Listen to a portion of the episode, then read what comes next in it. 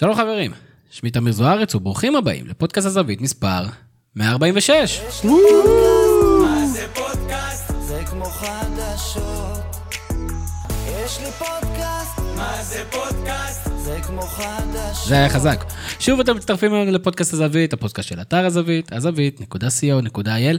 כנראה הפודקאסט הביתי בתבל, ומשחק העונה השאיר אותנו רעבים למילים ובשיא של רגשות, אז אה, מיהרנו לאולפן הביתי בתבל בשביל לרכז את כל המחשבות שלנו בנושא בצורה מסודרת. שלום לאוהד מכבי חיפה, מתון, והאיש למשימות מיוחדות, אודי ריבן. ערב טוב. אודי, לפני שאנחנו ניכנס ונצלול והכל, האם אפשר שיהיה לנו עוד משחקים כאלה? אתה יודע, אבל לא, לא מדבר על גול דקה 90, אתה יודע, שיש שתי קבוצות שאשכרה רוצות לנצח. אפשר, אבל אה, שוב, יש בערך שלוש וחצי, ארבע וחצי קבוצות בליגה הזו שרוצות לשחק ככה, אז כנראה שלא נראה הרבה. תודה, אודי, על הביוס.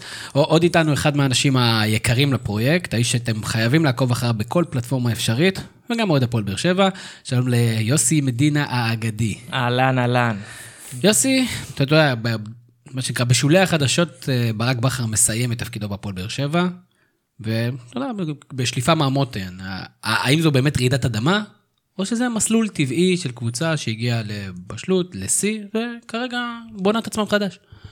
רעידת אדמה כן, מה העתיד זה באמת סימן שאלה מאוד מאוד מאוד גדול. ואנחנו נדבר על סימן השאלה, אני אהבתי את הטיזר שעשית פה, אנחנו נדבר על סימן השאלה. כרגיל איתי מפיק הפודקאסט ונציג ירוק פחות מתון, מה קורה ברק? אהלן אהלן. ברק, אתה יודע, אני אחרי שמכבי מפסידה, אני לא מנהל טלפונים והודעות ומתנתק ממדיות ולא רואה כלום. איך תחושות בבוקר שאחרי משחק של מפח נפש? אני מחפש אוהדים מהיריבה, לריב איתם. כן, זה, זה נכון, אני, אני בהחלט יכול להודות בכך, ותודה רבה על הכנות בנושא. אז יש לנו שני נושאים מרכזיים, משחק העונה, כמובן נדבר על המערכים ויחסי הכוחות והמצטיינים והמאכזבים וסטטיסטיקות באדיבות אה, אה, זמן של מספרים הידועה, וגם נדבר על הפועל באר שבע. זאת אומרת, ברק בכר, מה השלב הבא של הפועל באר שבע? מה הפועל באר שבע מחפשת בעצמה, מעצמה, אתה יודע, הצבת יעדים, ש... ואז החליטו שהיעדים משתנים, נדבר על כל זה, כמובן יש לנו גם שאלות גולשים, ואנחנו כבר עוברים למשחק העונה, ואודי, אני רוצה לפתוח איתך. קודם כל בוא, בוא נסכם, מה, מה היה לנו? זאת אומרת, היה פה, אתה יודע, פוקסים, היה פה תוכניות, אה, הקונפטי, נדבר על הקונפטי בפני עצמו, כי זה תמיד מעניין אותי, אני הרי כתבתי בזמנו את הטור, בזמנו, לפני שבוע, כתבתי טור על הרדיוסים, אז מי צריך להעניש במיוחד, אם יש קונפטי, כאילו, כל מיני דברים שאנחנו עוד בטח ידונו בהם, כי יענישו מישהו, זה בטוח. איך שחר שם, היה. משחק עונה שעבר ללא תקלות, בוא נשאיר את הקונפטי בצד. בסדר, אם היה מצליח להשאיר את הקונפטי בצד, כנראה שהיו יכולים לפתוח את המשחק אה, כמו שצריך, אבל נגיע לזה, כי זה סתם כנקודה, כאנקדוטה. אבל בוא נדבר קצת על המשחק, המשחק. האווירה, אני דרך אגב, פעם ראשונה, תקנו אותי אם אני טועה, שהיה מעל 30 אלף איש באצ- באצטדיון. תמיד יש כל מיני חציצות ועניינים, וזה אף פעם לא, זה אף פעם לא ראיתי את המספר 3-0. תמיד כן. אומר, 29, 852, אולי יוסי יום אחד יבדוק לנו את הסיפור הזה. אווירה משוגעת, משחק משוגע, ומה מה- מה הביא אותנו לסיטואציה הזאת של משחק כזה משוגע? אמ, אנחנו הרבה פעמים מדברים על הרנדומליות שיש בליגה הזו, ואני חושב שבמחצית השנייה קרו הרבה דברים שיצרו בלאגן במגרש, וזה הוביל לטירוף הזה. אה, חיפה, לדוגמה, כל הקטע הזה שמחצית ראשונה חלשה אצלה כל העונה, מחצית שנייה בדרך כלל יש בליצים כאלה, אז הפעם היה בליץ של שלוש דקות שהביא שני גולים, ואז פנדל בשום מקום ששוב הביא למכבי תל אביב את והחזיר את הטירוף לחיפה לנסות לחפש את השוויון. וכמובן הסיום הזה שאתה יודע, ברמה היסטורית בליגה שלנו.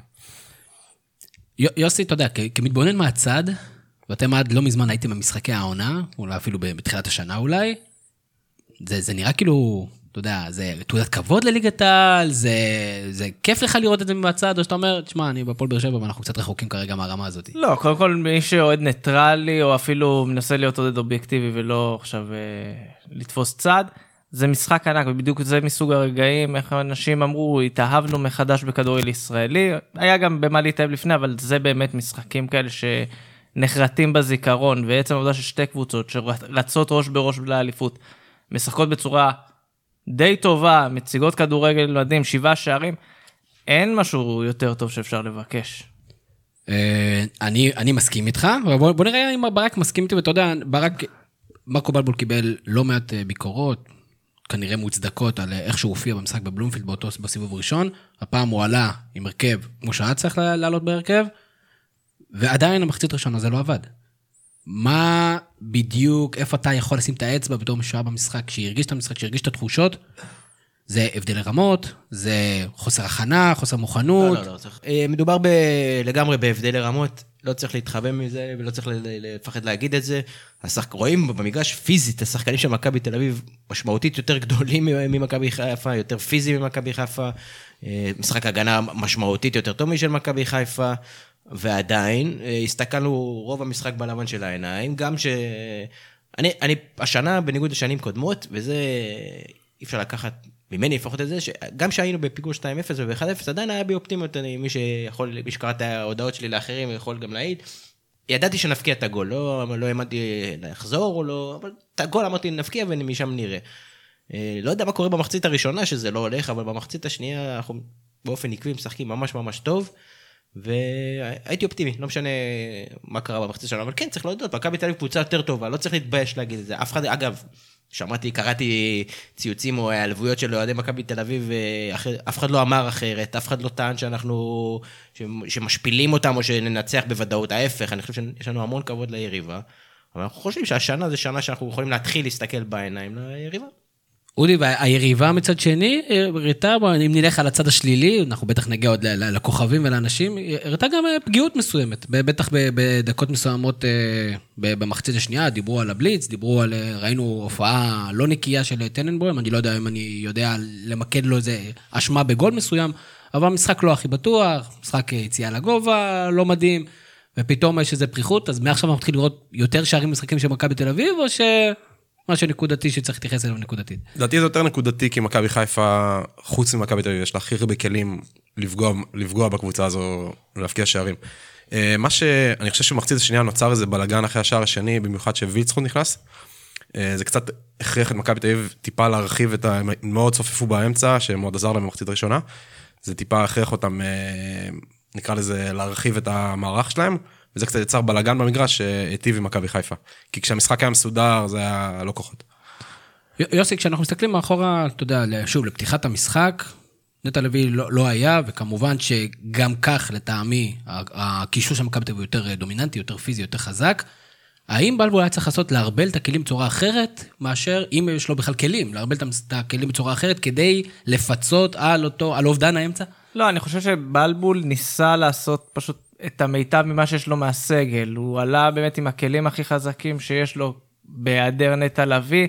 הוא לא ניסה עכשיו לבוא לעקוץ, הוא בא ואמר, אני הולך פה התקפה. אני מנסה לשחק פה כדי לנצח. שזה משהו ש... אם נגעת קודם בנקודה של אם נראה יותר שערים נגד מכבי תל אביב, לא, אנחנו לא נראה, כי אין הרבה קבוצות שישחקו ככה. וזאת בדיוק הנקודה, וזה גם אחת הסיבות שבגללה מכבי חיפה רצה קדימה. אני חושב שהוא עלה בדיוק עם ההרכב שהוא היה צריך לעלות, אולי בסדר, אפשר להתווכח על ויצחוט או לא ויצחוט, אבל זה היה ההפך, הוא היה מקבל ביקורת ממש גדולה אם הוא היה משנה את מערך, או משחק יותר הגנתי, הוא הלך עם מה שהוא הצליח עד עכשיו. גם הרבה מהאוהדים אמרו, למה פוקס לא משחק במקום נטע בכלל, כאילו זה לא אמור להיות משהו שמשפיע או ממש משמעותי. הוא עשה מה שהוא צריך לעשות, מה שהלך לו, אין סיבה לא להמשיך עם זה. לגבי, אני דווקא חולק עליכם לגבי הגולים, גם דיברתי עם מי שישב לידי. אני חושב שזה דווקא זה, כן, זה, איזה מחסום פסיכולוגי של כולם, שנשבר וצריך לשבור אותו, וקבוצות כבר יתחילו, יבואו עם המחשבה שאפשר להפקיע, לא אומר שכולם מכבי חיפה וכולם יעשו את זה, אבל יש פה איזה מחסום פסיכולוגי שנשבר גם אצל מכבי תל אביב וגם אצל הקבוצות היריבות, שיסתכלו עכשיו ויגידו, אוקיי, אפשר להפקיע פה, הם לא בו, בלתי אה, חדירים. אם מכבי חיפה לא היו מפקיעים המשחק הזה, היה נגמר עם אפס שערים של מכבי חיפה, אז היינו יכולים פה לדבר על שיא אבל, אבל אני לא כל כך מסכים איתך, כי אתה רואה קבוצות אחרות עולות באיזשהו מערך הגנתי מאוד מול אה, מכבי תל אביב. גם, אה, גם לא מול מכבי תל אביב, רוב לא הקבוצות בליגה. אבל העניין הוא שמול מכבי תל אביב, גם במשחקי אימון. אתה מעדיף לעלות, הם מעדיפים לעלות הגנתי כדי לא לקבל 4-0, ואז זה נגמר כן. 4-0 גם עם מערך הגנתי. כן, אבל יש איזה מחסום, כזה... פח...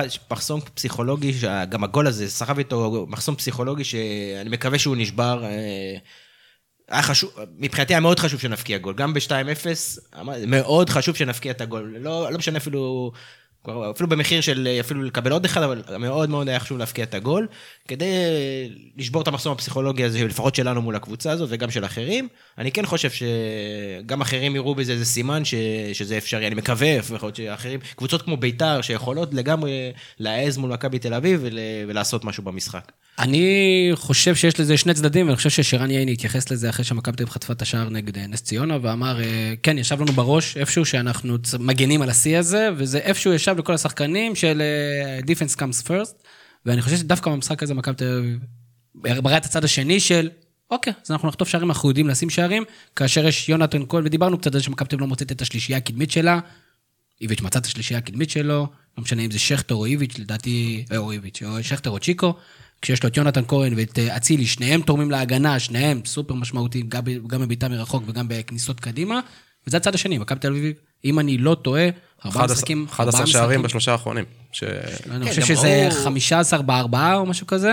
גם אולי כולל אום אל-פחם, אני לא יודע, אבל אני לא, מדבר לא, ליגה 11 מדבר- בשלושה. ראו גם בגישה של, של איביץ', וזה היה כל, כל הכבוד לו, שהוא בא למשחק חוץ, והרבה דיברו פה שיהיה פה תיקו 0-0 משעמם, או שהוא יבוא לסגור את המשחק, הוא בא לנצח, החילופים שלו באו לנצח, הוא בא, ההפך, יותר מלנצח, הוא בא לנצח ולשים פה איזה, להוכיח פה איזה משהו, וזה, כל הכבוד לו אגב, לא היה מפתיע אותי אם הוא היה בא לסגור את המשחק ל-0. מישהו פרסם את התוצאות של איביץ' נגד אה, כל הקבוצות אה, הגדולות בליגה, בית"ר ירושלים, הפועל באר שבע, מכבי חיפה, אה, בשנה וחצי שהוא פה, המאזן שלו זה משהו פסיכוטי. אה, כרגע הקושי של מכבי תל אביב, לפחות עד עכשיו, כשהיא לא מצאה ממש את הריתם ההתקפי שלה, היה נגד הקבוצות הקטנות. גם בסיבוב הראשון, מכבי תל אביב ניצחה את שלושת המשחקים נגד היריבות שהדולקות אחריה. אז דווקא בקטע הזה, לי כאוהד מכבי תל אביב, אני חושב שאיביץ' מחכה למשחקים האלה כי הוא יקבל את המרווחים שהוא רוצה, הוא ישחק עם קבוצות שלא רגילות להתמודד, זה לא הדיפולט שלהם, וראינו, ראינו את אה, ויטור אה, מופתע באותו משחק, אז ממש שיחקו עליו, בית"ר ירושלים, באותו משחק שמאז בית"ר ירושלים שינתה, והולך להיות משחק מרתק בסמי עופר. אני חושב שזה גם מוציא יותר מהשחקנים שלהם, כי אנחנו דיברנו על זה גם בתחילת העונה, במשחקים שקרטעו והכל, שיכול להיות עניין של שעמום, עייפות החומר, קצת קשה למצוא מוטיבציה, המשחקים הגדולים האלה מוציאים את המיטב מהשחקנים של מכבי תל ספק, אביב. כמובן, קהל והכל, ואז באמת השחקנים הרעים, גם כן זה גם שחקנים מאוד מאוד מנוסים. אני יודע שדיברו על זה קצת לפני, ואני לא חושב שדווקא הניסיון הכריע, אבל בוא נגיד, הם עשו את זה בשנה שעברה ולפני שנתיים, והם כבר נמצאים חלקם בחמש או שש שנים של אה, מאבקי אליפות. עוד משהו למכבי תל אביב שמעניין, ואני עוד מעט אתן לך ברק להשלים מה שרצית להגיד, זה שזה לא הכוכבים של השנה שעברה.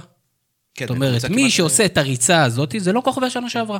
זה כן, שחקני בית, או שחקנים שכבר כמה שנים נמצאים במועדון, אבל זה לא, זה לא השחקנים, אנחנו מסתכלים שנה שעברה על השלט של הקבוצה, שם שנייה את אה, רייקוביץ' בצד, כי זה נגיד קל, אז היה ייני ו- ופיבן, והיום זה המדור ו- וטיבי, וכולנו חושבים שההגנה היום יותר טובה. אה, גם בקישור היה את דור פרץ, שהיה סופר סופר קריטי, כמובן דור מיכה עם עונה של... אה, של אה, עונת... אה, בדיוק, העונה הכי טובה שלו אי פעם, ואלירן עטר, שהיה מלך השערים מבחינה הקדמית, כל זה נמחק, ויש שחקנים, נכון, גם אצילי היה שנה שעברה, אבל אצילי רק עכשיו חזר, יונתן כהן, אה, שוב, דן גלאזר שממשיך לשדרג את עצמו, ועוד משחק נהדר שלו, גולסה שפתאום, אני מקווה שהוא לא גמר את העונה, אבל בינתיים המשחקים שהוא משחק מראה שהוא דומיננטי, וזה גם כן אה, עדות לכך שאצל איביץ', אין לו, זאת אומרת, מי שבאמת הוא חושב שהוא הכי טוב, ישחק. כן, ברק. לא יודע, יש לו כל מיני יונתן כהן כאלה שלא שיחקו במשחקים, אבל בסדר. עדיין כל פעם שיונתן כהן מבחינתו היה זמין לסגל, הוא שיחק. בואו נצלול קצת למשחק, יש איזה קונצנזוס שאני לא חולק עליו, אבל יש איזה קונצנזוס שמכבי חיפה לא הייתה במחצית הראשונה, והיא בהחלט שיחקה פחות טוב ממכבי תל אביב, אני לא בא להתווכח על זה, אבל, אבל אני מזכיר שבדקה הראשונה אה, שרי היה באחד על אחד מול שוער, לא, לא יצא מזה בעיטה רצינית, אני מזכיר שארד נגח מחמש מטר לשוער, לשער, אני מזכיר שאשכנזי עשה מהלך מסוכן ברחבה, כלומר, יש איזה... אם אני מסתכל על, ה, על, ה, על השיחות ואנשים שדברים מדברים, כאילו המשחק היה צריך להיגמר 9-1, והכל במכבי חיפה יצא מאור שיניה, ו, וכהן שם זינק לכל עבר. אני לא יודע, אולי אני ראיתי משחק אחר, אבל אני לא ראיתי את המצב. מכבי תל אביב הגיעו למצבים, אבל גם מכבי חיפה הגיעו למצבים. הם היו, לא שלטו בכדור בשום צורה, לא החזיקו בכדור במחצית הראשונה בשום צורה, ובאמת נראה, נראו באמת פיזית פחות חזקים ממכבי תל אביב, אבל העליונית, בטח גם שבא לידי ביטוי במחצית השנייה, אני לא ראיתי אה, פערים כאלה גדולים כמו שהם אה, מתארים אותם. מחצית ראשונה לדעתי, 35 דקות ראשונות, היה הצגה חד צדדית של מכבי תל אביב, שהייתה יכולה להיגמר בשניים ושלוש. שלושה, איזה, שני- איזה מצבים אני פיס... אני אולי לא ראיתי, איזה מצבים היו שם שיכולו להיגמר כדורים שרקו, הייתה שם שליטה מוחלטת. מצבים ספציפית לא. מה ששינה שם, והאמת, זה היה מצחיק, עמרי אפק דיבר על זה דקה לפני, היה קרן, ואז הוא אמר, חיפה צריכה פה איזה משהו רנדומלי שיקרה לטובתה, ואז קראת הקרן הזו שהכדור של טננבאום שם כזה לא בדיוק שלט בכדור, והכדור פגע בקורה, ואז הייתה התעוררות, ואז הגיעו שני מצבים של מכבי חיפה, מצבים טובים. זה קצת העיר את הזה, אבל בגדול, מחצית ראשונה, נו- כאילו, היה נוקאוט מוחלט. שוב, בגדול, אה, מצבים, נגיד הנגיחה של עופרי ארד, אני לא פחות רוצה להיכנס דווקני, אני מבין את- רוח הדברים, אבל כשאתה מסתכל על המשחק, אמר את זה אודי אה, היום באחד מהשיחות שלנו, אמר, אתה רואה את הנתונים והם תומכים אולי חלק מהדברים, אבל בסופו של דבר אתה רואה את המשחק ואתה מבין מה, איפה הדומיננטיות נמצאת. ונגיחה של עופרי ארד ממצב נייח בזווית, שאם הכדור הזה נכנס זה גול ברמת האנסטיס, אז זה, זה נחשב בעיטה לשער, אבל, או מצב, אבל זה לא מצב טוב. מכבי תל אביב, שבו אה, לא ראיתי את ג'ו יקיר מוציא כדורים מהחיבור. נכון, נכון, אתה צודק, לא היה. אני חושב שמכבי תל אביב, התחושה שלי הייתה, שפשוט היה איזה... איזה sloppiness במסירה האחרונה. שהיו ש- כמה מצבים של שלוש, של שלושה, שלושה. הם התעייפו מהלחץ שלהם אין ספק. אתה לא יכול להריץ 90 דקות לחץ כזה. אני חושב שגם גיל, גיל שלי התייחס לזה באחד מהפודקאסטים, שהוא אמר שמכבי תל אביב בשלב מסוים ויתרה על הסיפור הזה כדי לשמור כוחות לאורך זמן, כי מכבי תל אביב שנה שעברה, זה היה המשחק שלה, להרוג משחקים בהתחלה, לחץ מאוד מאוד גבוה, אינטנסיבי ברמות, רוב הקבוצות נופלות מהרגליים, ואז אתה מנצח את המשחק.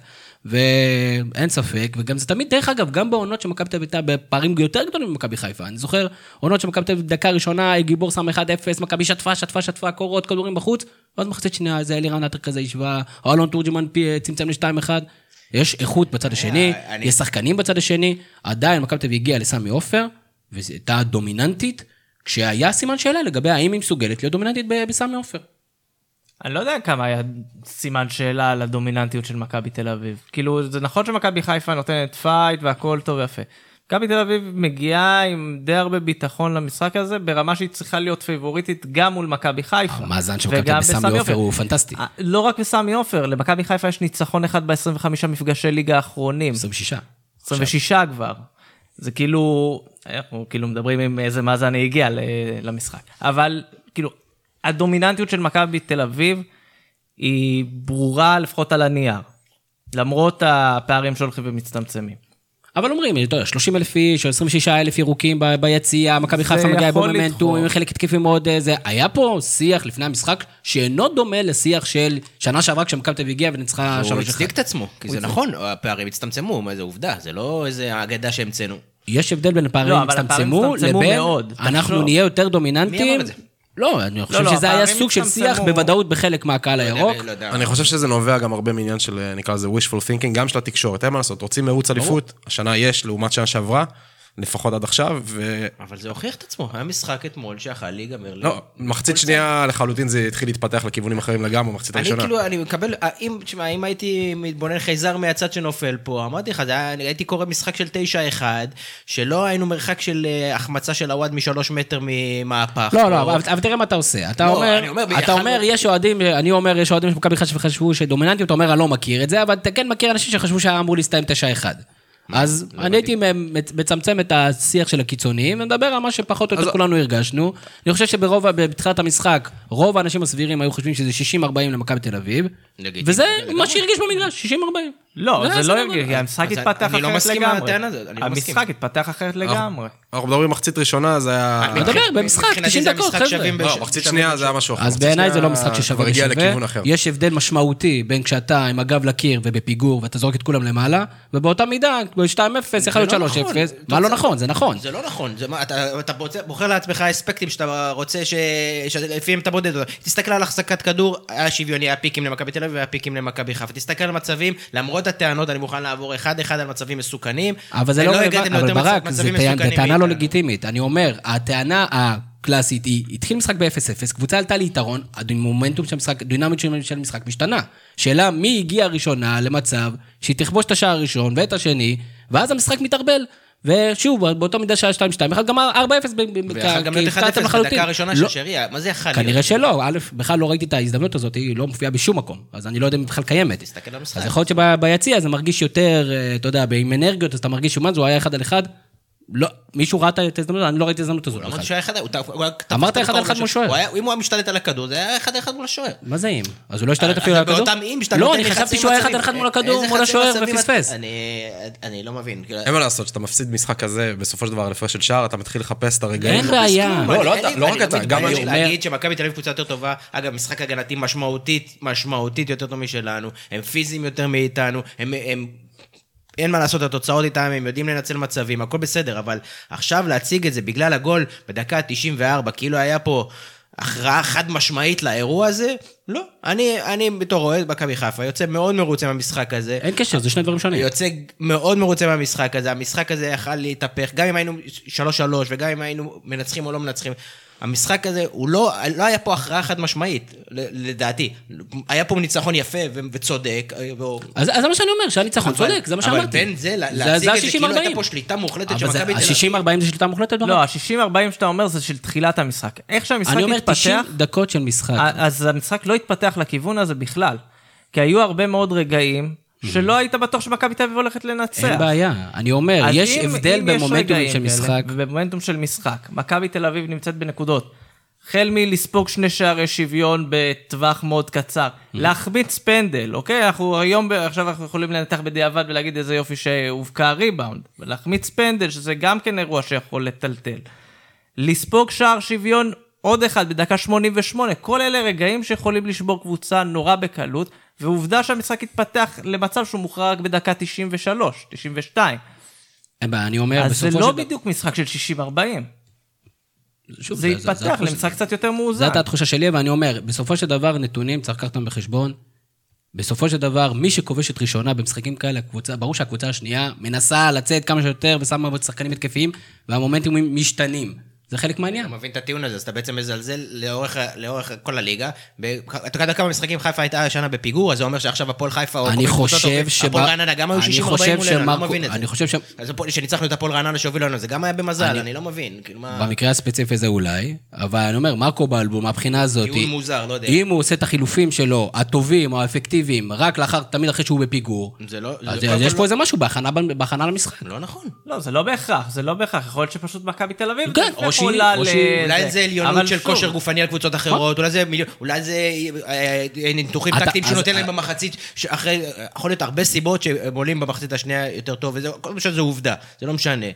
אז אה, ל- ל- ל- להפוך את זה, ובגלל שספגנו ראשונים, להפוך אותנו לק- לקבוצה... אבל זה לא רק כי ספגתם כי כן, איזה כדור לזלזל הגיע כאילו בטעות. בחזרה, אבל מה ולהגיד שזה... לא אמרתי לזלזל. אני- רק, אה, אני אומר קל ש- יותר, לא מבין את אז זה. אני לא לא מבין למה אתה לוקח את הטענה הזאת ולוקח אותה לכיוון הזה, אני אמרתי לזלזל. אמרתי אמרת שאני שזה חושב... קל שהמש- יותר להיות בפיגור, ויותר קשה להיות ראשון, וזה פחות חוכמה, מה שנקרא, זה- אני לא מבין את זה.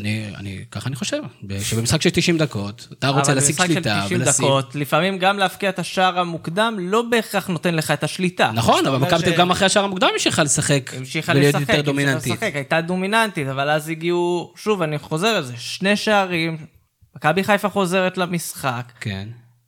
במשך כמה ואז דקות... דקה אחרי זה יונתן ואחרי- כהן אחד על אחד מול השוער מחטיא, ואז אחרי זה ואח- פנדל. ואחרי הפנדל, ושוב היתרון, למרות שמכבי תל אביב החזירה לעצמה את היתרון, עדיין מכבי חיפה לא נכנעה, לא ראית אותם מפורקים. אני אמרתי שהם נכנעו. אז בגלל זה, השער הראשון הזה הפך להיות מאוד מאוד לא... פחות הוא לא משמעותי. החזיק את המשחק כבר. אין ספק, ברגע שאתה 4-3, אז אתה לא אומר, אבל היה 1-0. התחיל כמה פעמים. היחסים של ה-60-40 שאתה מדבר, הם כבר לא הפכו לרלוונטיים. אין בעיה, אני רק אומר. שכל פעם שהיה שוויון, מכבי תל אביב הייתה לי יתרון. בסדר, אז מה? בסדר, המשחק, חיפה לא כאילו, הצליחה לעלות? ליתרון זה משהו אחר. זאת כבר נקודה אחרת. אבל אתם מבינים שזה... למה לא, אבל זה לא פה... הנקודה. זה- תשמע, זה עניין של, כאילו... זה עניין של מזל... היה פה... אי אפשר להגיד... זה לא שכאילו הגענו לשוויון, הלכנו אחורה ורכבתם עלינו נכון. והפקדתם גול. היה פה עניין גם של מזל. תשמע, זה עניין ברור, באמת של מזל, שהוואט. לא יבקע את הגול הזה ואנחנו מובילים. זה- המשחק התאפס כמה פעמים. ב-2-2 הוא התאפס, ב-3-3 הוא התאפס. מה, גם מכבי תל- הפנדל אני של לא- מכבי תל אביב הוא מקרי לגמרי. כאילו, זה אני- לא אני- בדיוק... לא, מה זה מקרים? מגול הרחבה, אלה מצב לא. מסוכן, אני לא מזלזל בזה, אבל, אבל שוב, מכבי תל אביב קבוצה, אני שוב אומר, אני, שלא יישמע אחרת, מכבי תל אביב קבוצה מצוינת, ויותר טובה ממכבי חיפה, והקבוצה הכי טובה בליגה. אבל ידענו להסתכל להם שו... בלבן של העיניים, ול, ולצאת, ולחזור מפיגור קשה מאוד, בור מנטלי מאוד מאוד קשה, שאף קבוצה לא הצליחה לעשות, וזה ראוי, לא רק שזה ראוי להערכה, זה מאוד ראוי להערכה, ו... ואני, וגם אני, אני אומר, אני לא הרגשתי נחיתות במשחק הזה, שוב, מחצית ראשונה, באמת זה נראה, מתבונן מהצד, אה, שלא ראה את מכבי חיפה כל השנה, שאנחנו באמת בנחיתות משמעותית, אבל אני בתור אוהד מכבי חיפה, שראה את מכבי חיפה השנה, הייתה בי אמונה שאנחנו נפקיע את האחד הזה ונחזור. זה לא, באמת שלא היה לי ספק בזה. לא יודע אם נחזור, אבל שנפקיע את האחד. מצוין, בכל מה שאמרת עכשיו אני מסכים. אודי, מי השחקנים שעשו את המשחק הזה? רוב המשחק זה היה אה, ריקן, גולסה, אה, יונתן כהן, וגם אצילי, אפילו לא יום גדול שלו, אבל אני חושב שגם דיברתי לך על זה, אני חושב שהנוכחות שלו למגרש הוא בריא, זה יוצר איזה חוסר איזון ופחד בהגנה השנייה שאתה חייב לשים לב אליו. ודיברנו על זה ברק, אתה יודע, במהלך התקופה, איך איך אצילי יחזור, כי אנחנו הבנו שהוא משמעותי, רק לא ידענו איך הוא יחזור, אתה יודע, שחקן שחצי שנה לא היה בחוץ. אצילי וגולסה ביחד, זה ש- זה- לקבל שני שחקנים כאלה כבונוס פתאום כ- להרכב או לסגל, זה משהו, זה חיזוק שאף קבוצה לא יכולה הם לעשות. היו הברומטר של האגרסיביות. ב- זה חיזוק ברמה של זר. טוב בליגה, בקבוצה. זה- עוד שנייה נגיע למכבי חיפה, בוא נדבר שנייה על יונתן כהן, יוסי. יונתן כהן, לא במשחק טוב. לא משחק טוב ומסיים עם שני שערים. מכלום. מאוד מבולגן, מסירות לא במקום. אבל אה, לפעמים זה חוכמה של שחקן גם, אני, אומנם כבר הקפיצו אותו לדרגת זהב, יש לו עוד דרך בוא ארוכה. נדבר על זה. לא, לא, יש לו עוד דרך ארוכה. ברור שיש יש לו אתה דרך יודע, ארוכה. אני, אמרו זהב, הדבר הראשון שעשיתי, לפתוח את האקסלים, לראות כמה שערים יש ליונתן כהן עד עכשיו. יש לו, יש לו עוד הרבה עבודה בשביל אבל להיות גם בגיל הזה. אני לא יודע אם ערן זהבי בגיל הזה היה סקורר כמו יונתן יונתן ערן כהן. זהבי היה סקורר לא כמו שאנחנו מכירים אותו היום של ה-30 שערים בעונה, אבל הוא כן היה סקורר וכן ידעו מי זה ערן זהבי. אי אפשר שכל מי לא שמבקיע שהוא גול. בדקה 94 יהיה ערן כן, זהבי. זה לא, לא, לא, אני כן, כמובן שאני לא חושב שיונתן לא, כהן ברור, זה וערן היה זהבי. להעיף את זה יותר מדי גבוה. ברור, אנחנו אוהבים גם להתעלות בכל מיני דברים שנראים לנו מוכרים.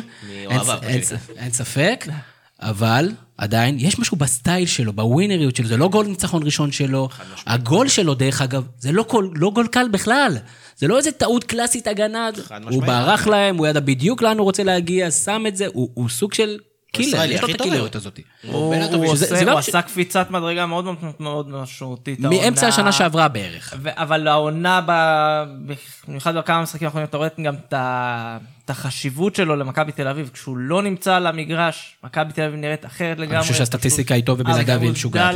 זה גם עונה שמצפים ממנו להיות כזה, והוא עושה את הקפיצה, הוא מממש. סקר הזווית בתחילת השנה, רוב האנשים אמרו שהוא יהיה מלך השערים ויהיה שחקן העונה. וככה, הייתה לו התחלה כזאת, לא אגיד מגמגמת, אבל אתה יודע, פה משחקים לא מספיק טובים, בטח לא מספיק יציב, ודווקא שוב, במשחקים אני הגדולים האלה, מזכיר פתאום שלפני שבועיים, שלושה, הוא היה בבור רציני בקבוצה. כן. אני לא יודע אם זה בור רציני, כי כל אחד, לפחות מאוהדי מכבי תל אביב, הבינו שיש פה איזה משהו נקודתי, ושהוא יחזור לשחק כי איביץ' מת עליו. זאת אומרת, זה לא היה זה בגלל שהוא לא עשה איזה טעויות, אה, נגיד, אלירן עטר, אתה יודע, כשאתה לא משחק, אתה אומר, אוקיי, זה, זה הולך להיות תקופה בלי אלירן עטר. אבל יונתן כהן, זה היה ברור שזה משהו נקודתי, כי הוא פשוט לא מחליף אותו כמעט. הוא מאוד אוהב אותו, הוא מאוד ממושמע טקטית, נותן לו את האיומים מרחוק, בגלל זה, דרך אגב, הוא מאוד אוהב את אצילי. אצילי, לא בגלל שהוא רק בועט מ- שחקן של מספרים, אלא בעיקר בגלל הלחץ שלו בהגנה. בוא נדבר, כן? כן, כן, בדיוק, אני רוצה להמשיך אותך לדבר על, ה, על ההגנה או המשחק ההגנה. יש. האשמה לצורך העניין, או הרבה, לפחות בקרב האוהדים שאני מדבר איתם, עכשיו מופנית לעבר שחקני ההגנה של מכבי חיפה. סיינסברי, עופרי ארד, סן מנחם ומבוקה. עכשיו, זה לא שזה לא נכון, אבל uh, הטענה היא שסנסברג הוא לא בלם ב- לאליפות, וסן מנחם הוא לא מגן שמאלי לאליפות וכן הלאה. עכשיו, זה לא שזה לא נכון, אני לא שאני לא מסכים, אבל משהו שהבנתי גם במשחק, ברור, אבל הבנתי, שאתה רואה את זה בעיניים, אתה רואה את זה בצורה משמעותית, זה בכלל לא שחקני הגנה, זה משחק ההגנה. יש הבדל משמעותי, שאתה רואה שהכדור מגיע לרחבה של מכבי תל אביב, או לאזור של הרחבה, אתה רואה חצי קבוצה עומדת שם, כל אחד במקום, קשרים עומדים במקום כמו חיילים, אף אחד לא זז, אי אפשר לחדור את הדבר הזה.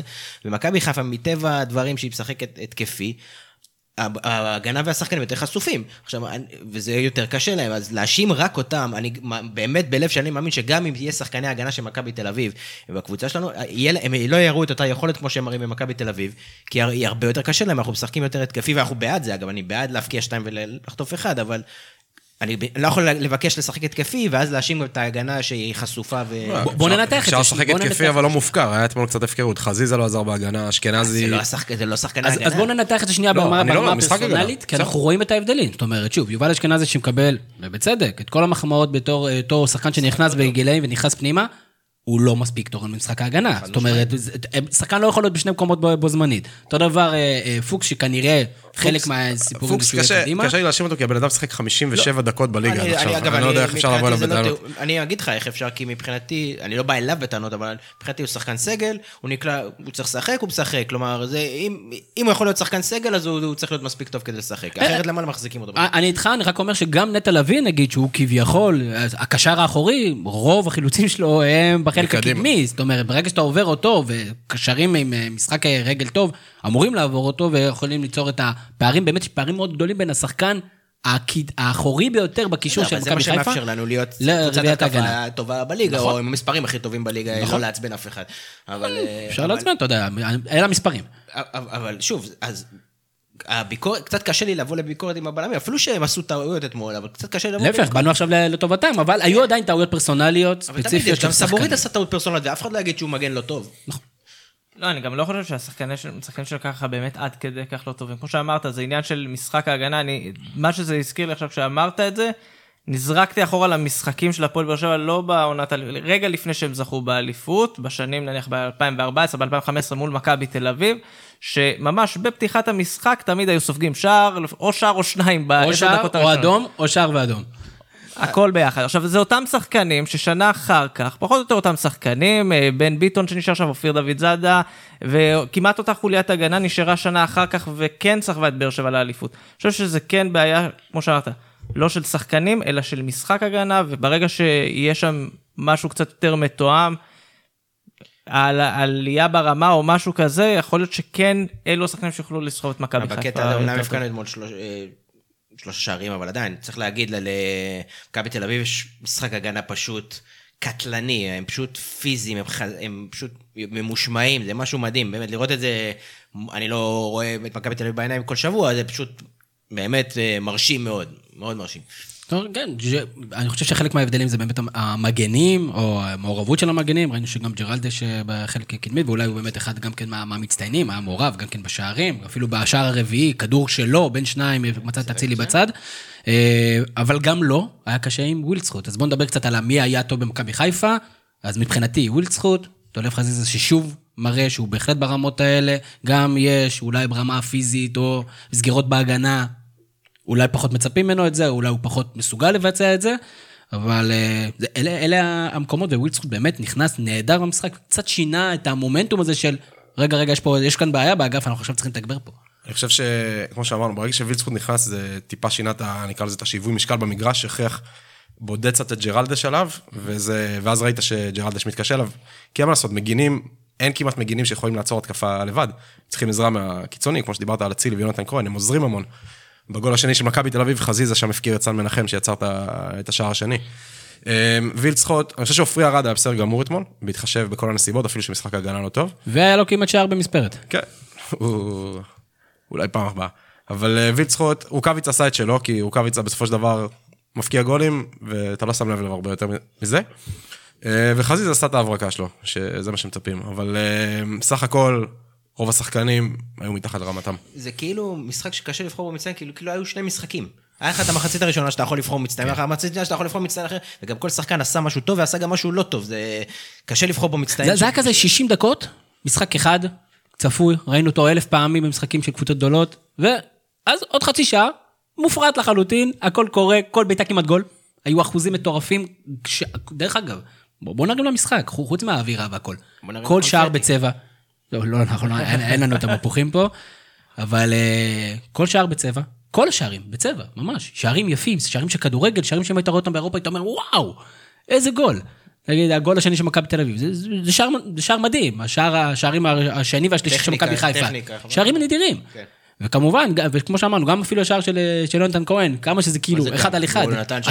לרחבה כן, מדהימה. כאילו, אתה יודע, מהלכי כדורגל נהדרים. אני רוצה שנייה לדבר, אה, אה, הוא לא הפיל שלו החדר, והיה לו משחק בסדר גמור, על צ'רון שרי. ואתה יודע, במונחים האלה, בליגה הזאת שהיא ליגה נטולת זהבי, אז תמיד יש את השחקן הכי טוב לתקופה מסוימת, וש- ושרי באמת אה, פתח נהדר, והוא עדיין סופר דומיננטי, סופר איכותי. איך אתה התרשמת, יוסי, מהמשחק שלו בסיטואציה הזאת? כי למה אני דווקא נטפל אליו? כי בסיבוב הראשון דיברו על איך הוא לא שיחק. איך הוא לא פתח. כי מה שקרה זה ששרון שרי, ב...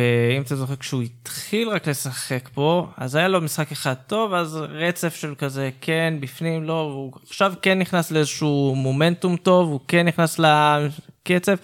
גם אתמול, כמו שברק אמר, היו שחקנים שעשו דברים טובים ודברים רעים, ואי אפשר, וגם שרי אחד מהם. אה, זה לא היה, שוב, זה לא היה המשחקים האלה שראינו של הבישול, של הצמדים והחגיגות והאש ותימרות עשן, אבל הוא כן תרם אה, בעיניי לפחות למשחק ההתקפה. שאלת מה ההבדל? הנה, ראית את ההבדל אתמול, ראית משחק של 1-0 שלא הגענו למצבים כמעט ונגמר בגול עצמי, ומשחק אבל מה חלקו של שרי אז בשער? אני, הוא, פ- אז אה, נוטים ל, למדוד אותו במספרים שהוא נתן, כי הוא נתן מספרים, ועכשיו שהוא פתאום קצת הוריד את כמות המספרים, אז uh, כאילו הוא נראה פתאום שחקן פחות טוב, אבל כשאתה רואה אותו במגרש, אתה מבין את העליונות הטכנית שלו על שאר השחקנים, אתה רואה איך הוא משתלט על כדור, אתה רואה כל מיני פסים שהוא נותן חכמים מימין לשמאל, אתה רואה שהוא מבין את המשחק אחרת מאחרים, הוא מחזיק לנו לגמרי את הקישור, גם אם אה, זה לא מתבטא כרגע במספרים, הוא שחקן הכי משמעותי שיש לנו בקישור, הוא השחקן הכי יצירתי שיש לנו בקישור.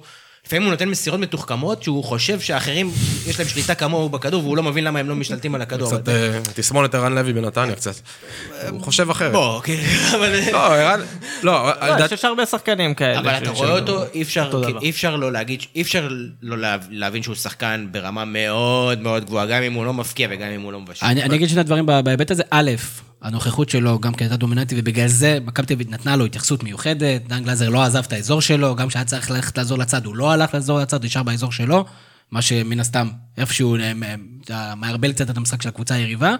ודבר שני, בשלב מסוים, הוא התחיל לבעוט בכל מצב. כן, זה היה מוגזם מאוד. אני חושב שאתמול, זאת אומרת שגם קצת תסכלו אותו במשחק, כי הוא לא נגע את מספר הנגיעות שהיית מצפה ממנו לקבל. לפני שזה התחיל לעשות את זה, הוא- הוא- ראיתי שהוא מסתודד לו עם בלבול, אז אני לא יודע אם זו הייתה הוראה אולי, אתה יודע, לאתגר את השוער או משהו כזה. היה לו פעמיים שלוש שהוא היה, הוא הרגיש שהוא פנוי והוא נורא התרגז שהוא לא מקבל את הכדורים, ואז הוא התחיל לבעוט. אבל אני חושב שאתמול, במיוחד ב-60 דקות הראשונות, הוא...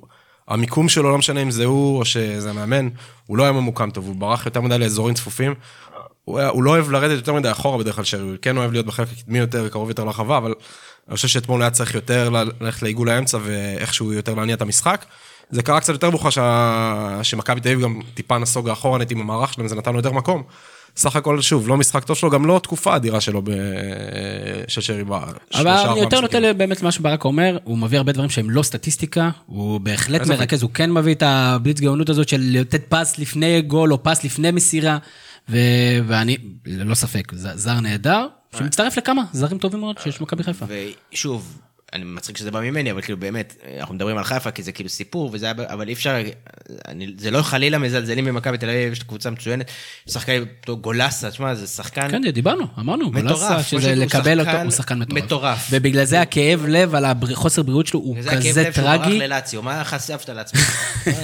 למה למה היית צריך לעשות את הדבר המטומטם גם הזה? זה, אני חושב שהוא במקום אחר אה, לגמרי, הוא מאוד מאוד דומיננטית. אני מזכיר לכם שנה שעברה אנחנו סיכמנו את עשרת המחזורים הראשונים, והוא היה שחקן העונה שלי, כאילו שחקן העונה עד אותו זמן, עשרה מחזורים, ואז הוא חזר רק במחזור התשיעי, בסדר, שנה אחרי זה, זאת אומרת, זה פרץ, מטורף. אתה מבין ש-they keep on coming, זה לא נגמר. נכון, הסגל, וזה חלק מהעניין, ושוב, גם מחלקת הנוער, אילון אלמוג, שעדיין לא ראינו מספיק ממנו, אבל כשראינו, ראינו שיש שם כדורגל, ואני אני מאוד מאוד מרוצה. האמת גולסה זה מעניין, השחקן, לאיזה שחקן שהוא התפתח, כי אני חושב שבשנים הראשונות של מכבי חיפה היה הרבה יותר, מה שהייתי חושב שדור מיכה. כן, הרבה יותר קדמי. הוא הפך לקשר, לא הייתי קורא לזה גרזן, אבל אה, מין קשר. על חמש, אבל שכן, כן. נודע מאוד באגרסיביות שלו, שחקן. מאוד אגרסיבי, חזק, חכם, טכניקה.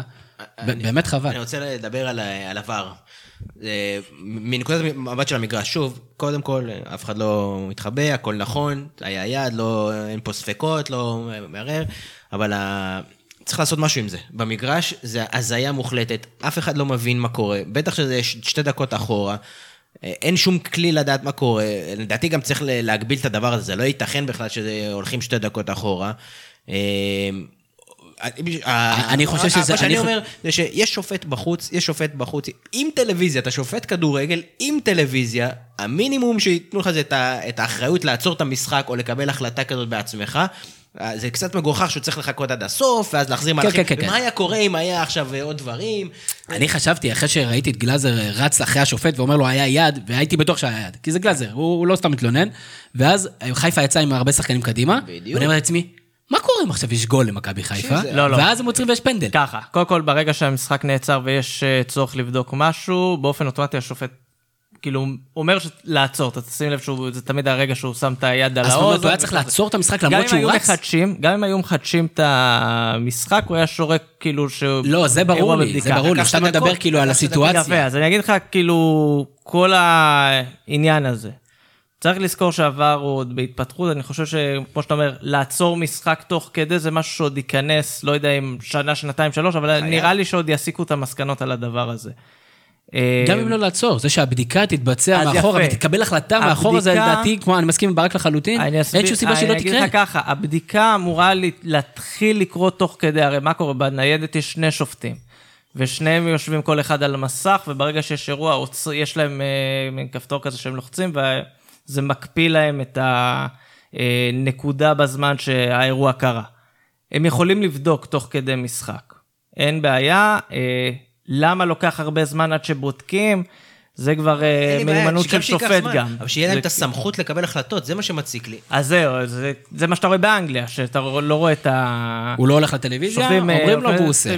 שוב, לפי דעתי זה חלק מהחבלי לידה של עבר, זה לא איזה משהו, אנחנו אם נשב בעוד שנתיים, שלוש, נדבר על משחק העונה ונדבר על עבר, אתה תראה שהבעיות האלה כבר, לפי דעתי, ייעלמו לחלוטין. זה... מה, אתה יושב במגרש, אתה אין לך מושג מה קורה, ולך תנתח, תזכור שיש. אגב, גם זה עניין של דוגמה, אה, באנגליה מה שעושים, זה באופן מאוד מהיר, באים, בכרוז מודיע מה בודקים, ובאנגליה החל מהשנה גם רואים במסכים את התהליך של הבדיקה. שזה הכל, שוב, הייתי שמח אם בטלוויזיה היו נותנים לשמוע את כן, ה... כן, זה היה מצחיק, כי הרבה אנשים פנו אלינו שלא היינו במשחק ושאלו, על על מה קורה? מה, זה אדום? כאילו, אתה יודע, אנשים אפילו לא- לא בכיוון. כל העניין, אתה באצטדיון, ומתחיל ישר, פותח את הוואטסאפים, מה קורה, מה קורה, כן, מוצדק, כן, לא כן, מוצדק. מצחיק. כאילו, אתה- ס- אתה- סיטואציה מוזרה, אני חושב שפשוט אסור...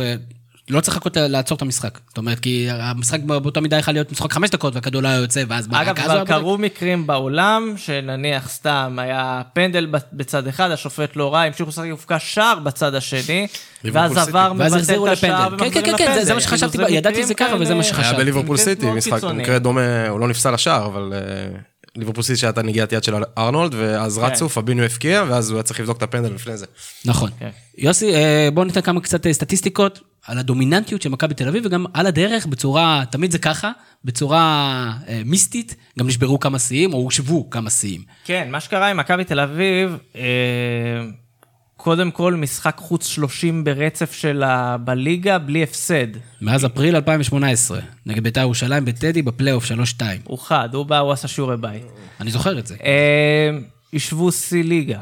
השיא ליגה הקודם 30 משחקים, למי שייך? למכבי חיפה. בשיא ההוא רצף של 94 וכל המסביב, אז באותה תקופה. אה, מה שעוד מכבי תל אביב עושה אתמול זה השער, נקרא לזה שער על הבאזר. אה, למרות שזה לא כל כך על הבאזר, אתמול מישהו אמר לי, כן, לא. מה שהסתכלתי זה כמה פעמים קבוצה הבקיעה שער מדקה 90 או תוספת זמן, שבלעדיו המשחק היה נגמר בתיקו. אה, שער ניצחון, בקיצור, מדקה 90 ואילך. אה, פעם 35 בהיסטוריה שמכבי תל אביב עושה את זה, שוברת שיא, שהיה שייך מכבי חיפה. חיפה. לאלכס פרגוסון. ואם דיברנו על הרצף של המשחקי חוץ, אז אחד הדברים הבאמת, שוגעים עשרה ניצחונות חוץ רצופים, ששם הם כבר שוברים שיא לא של מכבי חיפה, אלא של מכבי תל אביב, אבל זה שיא בין 67 שנים, 68 כבר, מאז 1952. שזה רק מראה באמת באיזה פורמה נמצאת מכבי תל אביב בעידן איביץ', מספרים באמת באמת, אפשר להגיד כבר חלקם חסרי תקדים, חלקם לא, אבל הם בדרך להיות חסרי תקדים כולם. אה, זה מראה עד כמה למכבי תל אביב יש אופי, כמה היא חזקה, כמה באמת קשה לשבור אותה בקלות, בניגוד לשנים למכבי תל אביב, גם בתקופות דומיננטיות אחרות שלה, שהייתה לפעמים נופלת בקלות. לדעתך, הרי אתה אפילו אמרת שהשיאים האלה יושבים מאחורי הראש, וזה לא קצת, כאילו, יש לי בעיה עם הדבר הזה. אגב, גם, גם שזה הקבוצה שלי, אני, זה כיף, זה כיף לאוהדים, אבל זה לא משפיע על הקבוצה. אני חושב שכן, אני חושב שדיברת על הרצף של ה- אה, ספיגה. האי. אני זוכר את זה כשהפועל באר שבע רץ על הרצף של אה, משחקי בית בלי הפסד, ראית שבאיזשהו שלב כבר לא מחפשים את הניצחון, מחפשים את התיקו כדי לא במיוחד להפסיד. שזה שיאים פרסונליים, ואז זה בכלל צרה צרורה. שיאים פרסונליים, בוא נגיד שזה מכה, וראיתי באמת, וראינו, לא נפתח את זה עוד פעם, איך קבוצות נשאבות לטובת השיא הפרסונלי על חשבון אה, הישגים קבוצתיים. זה. כן שם, אה, לא, גם בקבוצות זה קרה. אה, הנקודה היא שבאמת אה, פה האתגר של איביץ', לבוא, לאפס את השחקנים, להגיד שכל זה נחמד, זה פיקנטריה מגניבה, זה לא אמור לעניין אתכם. אתם צריכים לבוא, לעלות, לנצח, כאילו, זה לא... לי ספק אם זה מעניין לו משהו. לא, אני באמת אומר, איביץ', אה, בהרבה מאוד דברים, הרבה מאוד שהוא עושה, הוא משדר שכאילו כל הדברים שאנחנו אוהבים להתעסק בהם, השיאים האלה, השופט הזה, השופט אחר, התספורת גם של יונתן כהן. גם אם הוא ידבר על זה, הוא לא מדבר על זה כי בא, כי צריך לדבר על זה. אני, אני כן, לא אני מעניין, זה כן לא רוצה בזה. ל- לשאול איזו שאלה, אודי, אתה יודע, מכבי תל אביב קבוצת חוץ הרבה יותר טובה מאשר קבוצת בית. זאת אומרת, קבוצת בית טובה, והמאזנים שלה טובים, אבל... בלומפילד עוד לא מוכן עד הסוף, מה אתה רוצה? כן, בדיוק. זה הגג?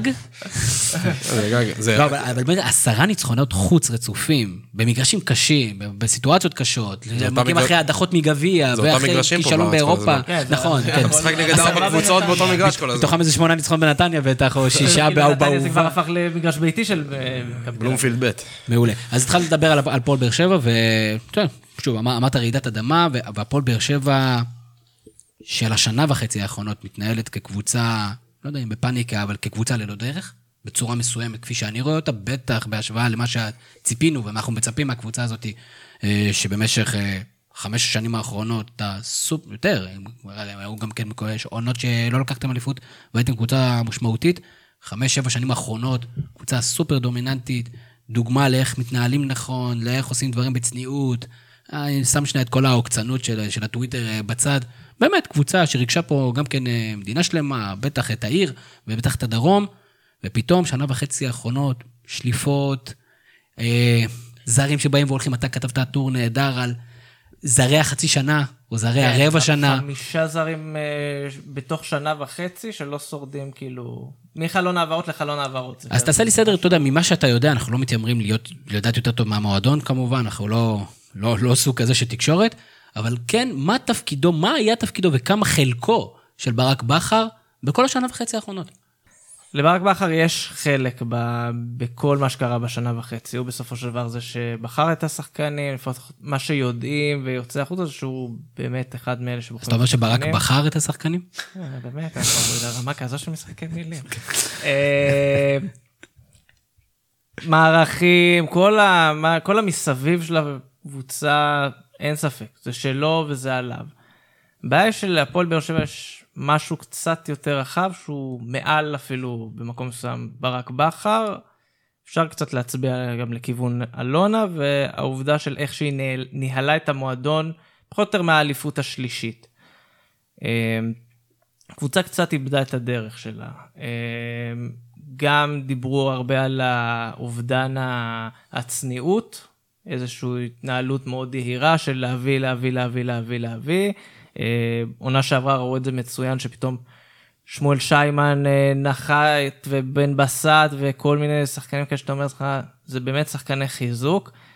אה, גם מבחינת המועדון עצמו, המועדון לא התפתח. כלומר, הקבוצה הבוגרת, ה-23 שחקנים של הסגל, זה נראה מצוין. מסביב לא קרה כלום, לא היה שם, לצורך העניין, אם אני לוקח עכשיו צוות מקצועי, אז יש מאמן, עוזר מאמן, כל מה שהמינימום של המינימום, אין סקאוט במשרה מלאה, אין אנליסטים בהפועל באר שבע.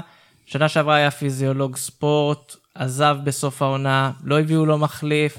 אה, הרבה מאוד אה, פונקציות שאתה אומר, אפשר להסתדר בלעדיהן אולי, אבל הן צריכות להיות חלק ממועדון שרוצה ללכת קדימה, פשוט לא קיימות בהפועל באר שבע. ומעל להכל, יש את הקטע הזה שלא הצליחו לעשות התאמה בין הציפיות למה שהם רוצים להגיע אליו בתכלס. אם זה שנה שעברה, שהעבירו חצי עונה, הגיעו למחזור 15 למשחק החוץ מול מכבי תל אביב, הגיעו למשחק הזה בפער של 14 נקודות, כשהקבוצה לא נראית טוב ועדיין דיברו על אליפות, אתה מבין שמשהו שם לא קצת חורק. העונה שוב, אותו סיפור, מתחילים את העונה, מדברים על בנייה, אחרי חודש, עוד פעם דיבורים על אליפות, אבל הסגל לא נבנה לאליפות. זה דיבורים בתקשורת כזה- או זה דיבורים לא, של לא, המועדון? זה דיבורים מתוך המועדון. אתה רואה את אה, מסיבת העיתונאים של פתיחת העונה, אה, זה כבר נהיה בדיחה בקרב האוהדים, הבאנו שחקנים צעירים ורעבים. אה, באיזשהו שלב הרעבים נעלמו, ואז זה כזה... מי שלא אוכל. לא, חלקם אוכלים בלי עין הרע, אם אתה לא מכיר, יש עמוד פייסבוק מצליח, שחקני באר שבע אוכלים בחוץ, הם אוכלים. אה, אבל פתאום לדבר על אליפות, פתאום החיזוק שאתה מביא, נניח אה, ז'וסואה ופאוליניו, זה חיזוק שמכוון לאליפות. לעומת זאת, ג'ימי מרין שמגיע בקיץ, אתה אומר, זה שחקן בן 21, בנייה, סבלנות, כל הדברים האלה. קבוצה שלא רוצה לרוץ, שרוצה לרוץ לאליפות, סליחה, יותר קל לחתוך אותו בינואר, כי הוא לא מספק סחורה מן הסתם. אבל סחורה שבכלל לא ציפו ממנו, או שמעל ליכולתו. זה בדיוק העניין, שהרבה מאוד אה, חוסר התאמה. אתם לא מרגישים, אני, אולי זה נקודה בזמן שאני מדמיין, אבל אני זוכר שדיברנו בזמנו על זה, על הנקודה שאלונה ברקת רצה לפוליטיקה. ואז זה הרגיש כאילו, יש פה איזה, דיברנו על זה גם הרבה עם ששת הביבי, ובכלל כאילו, פתאום זה הרגיש כאילו second best הקבוצה, או לא המיין פוקוס, או ה... החזרה הייתה כזה ברירת מחדל וכל מה שקרה שם, וזה, היא בכלל הייתה אמורה להיות עכשיו באיזה ח"כית ו... ח"כית בדרך לכנסת השלישית שלה. כן, אז אולי אתה יכול לסמן את זה, את הנקודה הזאת כמה- כאירוע מכונן, או זה התחיל לפני זה? אני בעיניי לא, כי הדברים האלה, אני אומר לך, התחילו עוד הרבה לפני, תוך כדי האליפות השלישית. אה, אני לא מסכים, יש איזושהי תחושה בקרב אוהדים, כאילו הפסיקה להשקיע משקיעה פחות. התקציב של הפועל באר שבע היום הוא בין הגבוהים בליגת העל, הוא בדיוק התקציב שהיה להפועל באר שבע בעונת האליפות הראשונה שלה. אז אין פה גם- הקטנה של ההשקעה או משהו כזה, אין פה ניסיון לברוח. לפחות לא ישבנו משהו פה שהוא נראה. בקיץ ואמרנו על פניו קבוצה מאוד חזקה, גיא שמיר בזמנו נראה שחקן מצוין. גיא קלטינס- שמיר לא, עדן אה, שמיר. עדן שמיר, גיא שמיר כן. כבר מזמן כבר, לא. כן. אה, אני זוכר גול מדהים שלו אגב. אה, בדרבי. כן. אה, אה, קלטינס, אה, אסלבנקס, שחקנים שעל פניו היו אמורים לה- להריץ את הקבוצה. והם הגיעו פתאום, באמת כמה רכישות, הקלטינס, ובאמת כמו שאמרת, ג'וסווה, וזה, הגיעו פתאום אחרי כמה החתמות באמת של שחקנים צעירים שהיו אמורים, שהגיעו. מליגה שנייה. לא, גם קלטינס, גם, תחשוב על זה, קלטינס, ספורי, שמיר, שון גולדברג, כל מי שאמר לך, הם בני 24, זה לא שחקנים גמורים. זה כן שחקנים שאתה יכול לעבוד איתם, זה כן שחקנים שאתה יכול לרוץ איתם קדימה. נכון, לא תזכה איתם השנה באליפות, אבל אם הייתי אומר לך שבן ביטון שהגיע מנצרת עילית, או נוף הגליל, כמו שצריך להגיד היום, אה, שהגיעו מ- שהגיע מרעננה, שניהם יהפכו להיות אה, עוגנים בקבוצה שתזכה בשלוש אליפויות, ושניהם יהיו שחקני נבחרת, זה גם היה נשמע קצת מוזר לפני חמש-שש שנים. אז אפשר לבוא ועם עבודה, שכב בנייה לטווח ארוך, כן היה אפשר לרוץ קדימה. אז אז, לפני לפני זנחו שאני... את זה מהר מאוד הצידה. בוא נדבר על עוד נקודה שככה מתבונן מהצד, להפועל באר שבע יש אה, הסכם, שיתוף פעולה מאוד משמעותי, מאוד מדובר עם אתלטיקו מדריד, ועם זאת, אה, ואני, ואני מניח, ואני מבין שהדברים אמורים בעיקר על מחלקות הנוער, מה קורה במחלקות הנוער של הפועל באר שבע? כי שחקנים לא יוצאים משם, מי, מה כן יוצא משם? אז יפה. קודם כל, האתלטיקו מדריד, צריך להגיד, מן הסתם, בגלל שהם עובדים במחלקת נוער, אי אפשר לבוא ולשפוט אחרי שנה וחצי, עובד לא עובד. זה משהו שהוא קצת יותר זמן. כשהחבר'ה של אתלטיקו מדריד הגיעו שנה שעברה לבאר שבע, ראו את קבוצות הנוער, הם אמרו משהו שהוא יכול לזעזע כל מועדון. הם אומרים, קחו את השנתונים העליונים, גילאי 16 ומעלה, אנחנו לא הולכים לעבוד איתם, הם לא יהיו שחקני כדורגל. אין, אין לנו מה לעשות איתם, ברמה הזאת.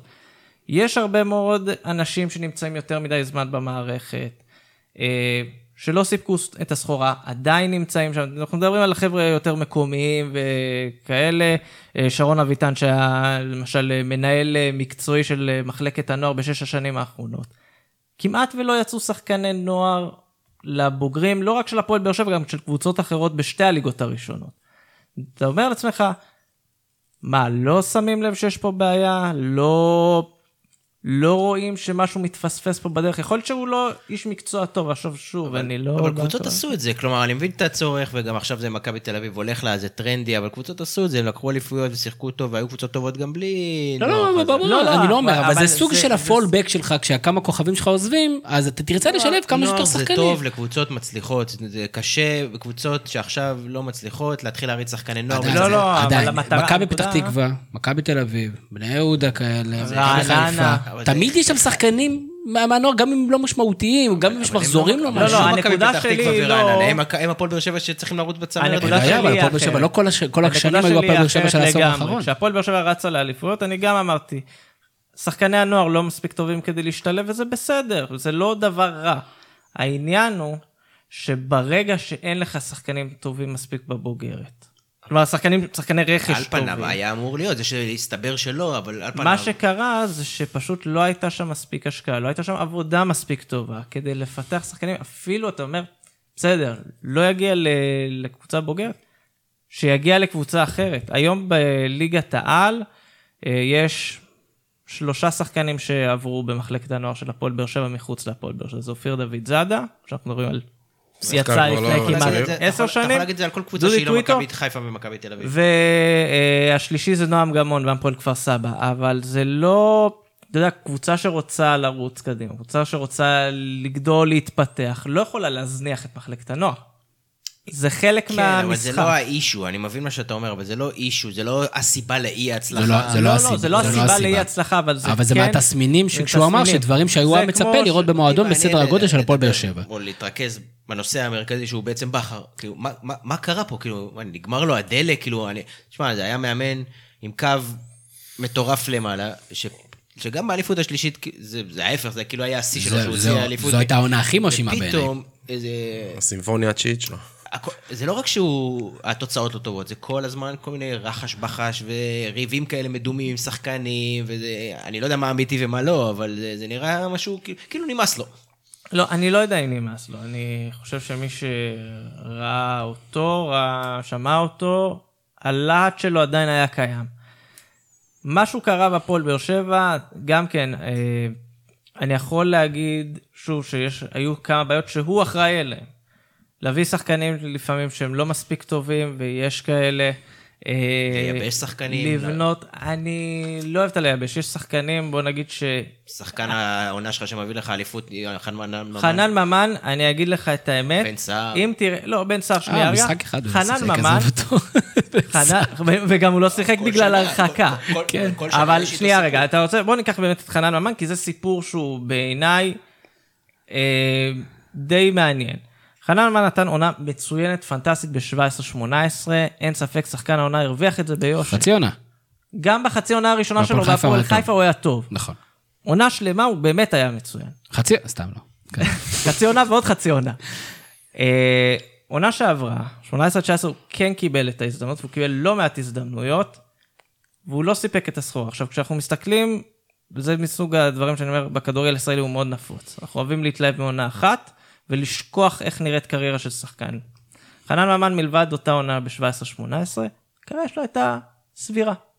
הוא לא מגדולי השחקנים שצמחו כאן, הוא שחקן טוב, אבל הוא כאילו ואם אחרי עונה הוא לא הצליח לשחזר את הקריירה וחזר כאילו אחורה, לפי דעתי הוא לא היה צריך להישאר כל בכלל שאלה, עוד זה עונה. גם חוזר לאותו שיחות שועה וכאלה, כל שאלה אם באמת, יש שחקנים, בעיקר היצירתיים, שאתה צריך לתת להם את הביטחון וקצת ללטף את ה... אני לא- אני לא אוהב את יכול להיות הדיבור שהיו הזה. קשים איתו מדי, הוא לא- הוא לא באמת קיבל צ'אנסים אמיתיים, והוא נגמר, שחקן נשרף. שמשחק 20 אה, משחקים בעונה זה לא שחקן אבל מה האינטרס של ברק בכר? זאת זה- אומרת, ברק בכר מן הסתם, אין לו בעיה איתו.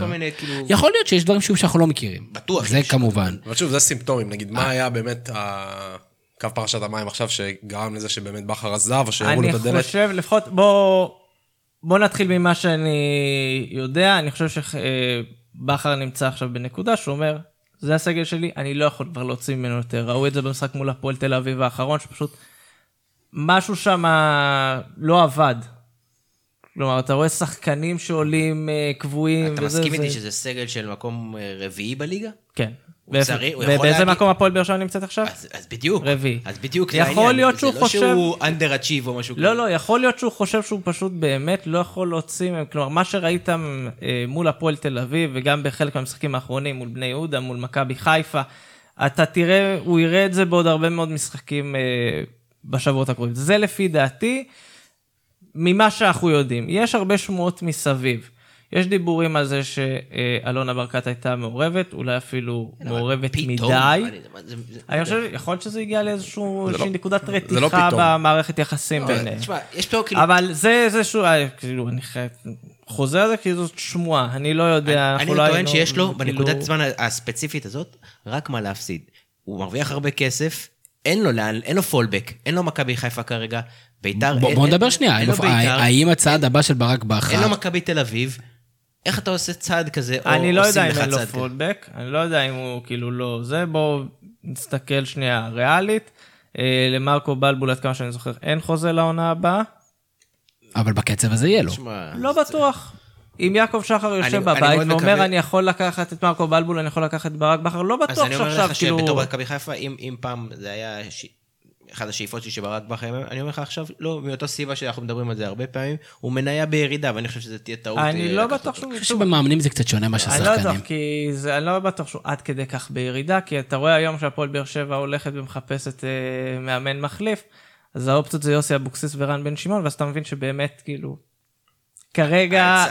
גם מבחינת היצע, ברק בכר, אם הוא לא הכי טוב, הוא כנראה ב top שלוש. בוא נדבר קצת על ההישגים של, של ברק בכר, על הנתונים של ברק בכר, מה עומד מאחורי אה, הקריירה של ברק בכר בהפועל באר שבע, שגם לפני זה הייתה לו עונה טובה בקריית שמונה, עד אשר פוטר היו בבושת לו כמה פנים. עונות טובות בקריית שמונה. אז כאילו בוא תספר לנו קצת על הפועל באר שבע, כי, כי שווה להגיד את זה, ברק בכר היה פה במשך שלוש שנים, המאמן, האיש, האיש שגם בתוך גורם הפועל לכם באר שבע באמוציות. אין ספק שהוא גדול המאמנים של הקבוצה בכל הזמנים.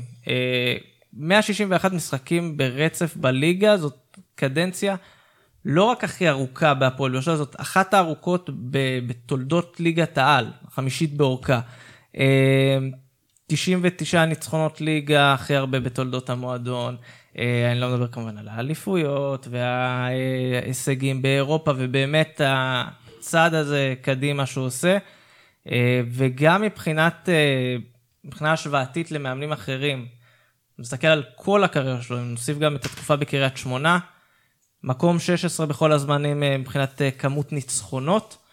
אה, מבין המאמנים שיש להם לפחות 100 משחקים, הוא המאמן עם אחוז ההצלחה הכי גבוה בהיסטוריה. גם, תחשוב, אחרי העונה וחצי הזאת שאחוז ההצלחה שלו ירד מאוד. כן, כמו שאמרתי, זה... הוא בהחלט מיצב את עצמו מבין המאמנים הפעילים ב top שלוש, בוא נגיד. אולי לא הכי טוב חושב- כבר, כמו שאמרו, top שלוש הוא בהחלט עדיין שם. שלאור מה שאמרת, זה די עצוב slash טרגדיה שזה נגמר ככה. זה לא צריך להיגמר ככה, לא משנה מי יזם את זה ואיך יזם את זה, מאמן בסדר גודל כזה, או שצריך להמשיך לונג טרם בקבוצה ולהיות אה, פרגוסון של הקבוצה, או שלפחות שזה ייגמר בצורה מכובדת, לגרום לזה להיגמר בצורה מכובדת, כי זה מה שמגיע לו שזה ייגמר. זה תראה, להרבה זה נראה לי אוהדים, נהיה מאוד רע, כאילו מאוד מהר, כמו שדיברנו על התיאום ציפיות, היו שישה הפסדים בעשרה משחקים האחרונים. אפס נקודות מול הגדולות, שדיברנו שהם ראו את עצמם כחלק, רוצים להיות לפחות חלק מהמאבק אליפות, אפילו שזה לא הצהרה ראשונית.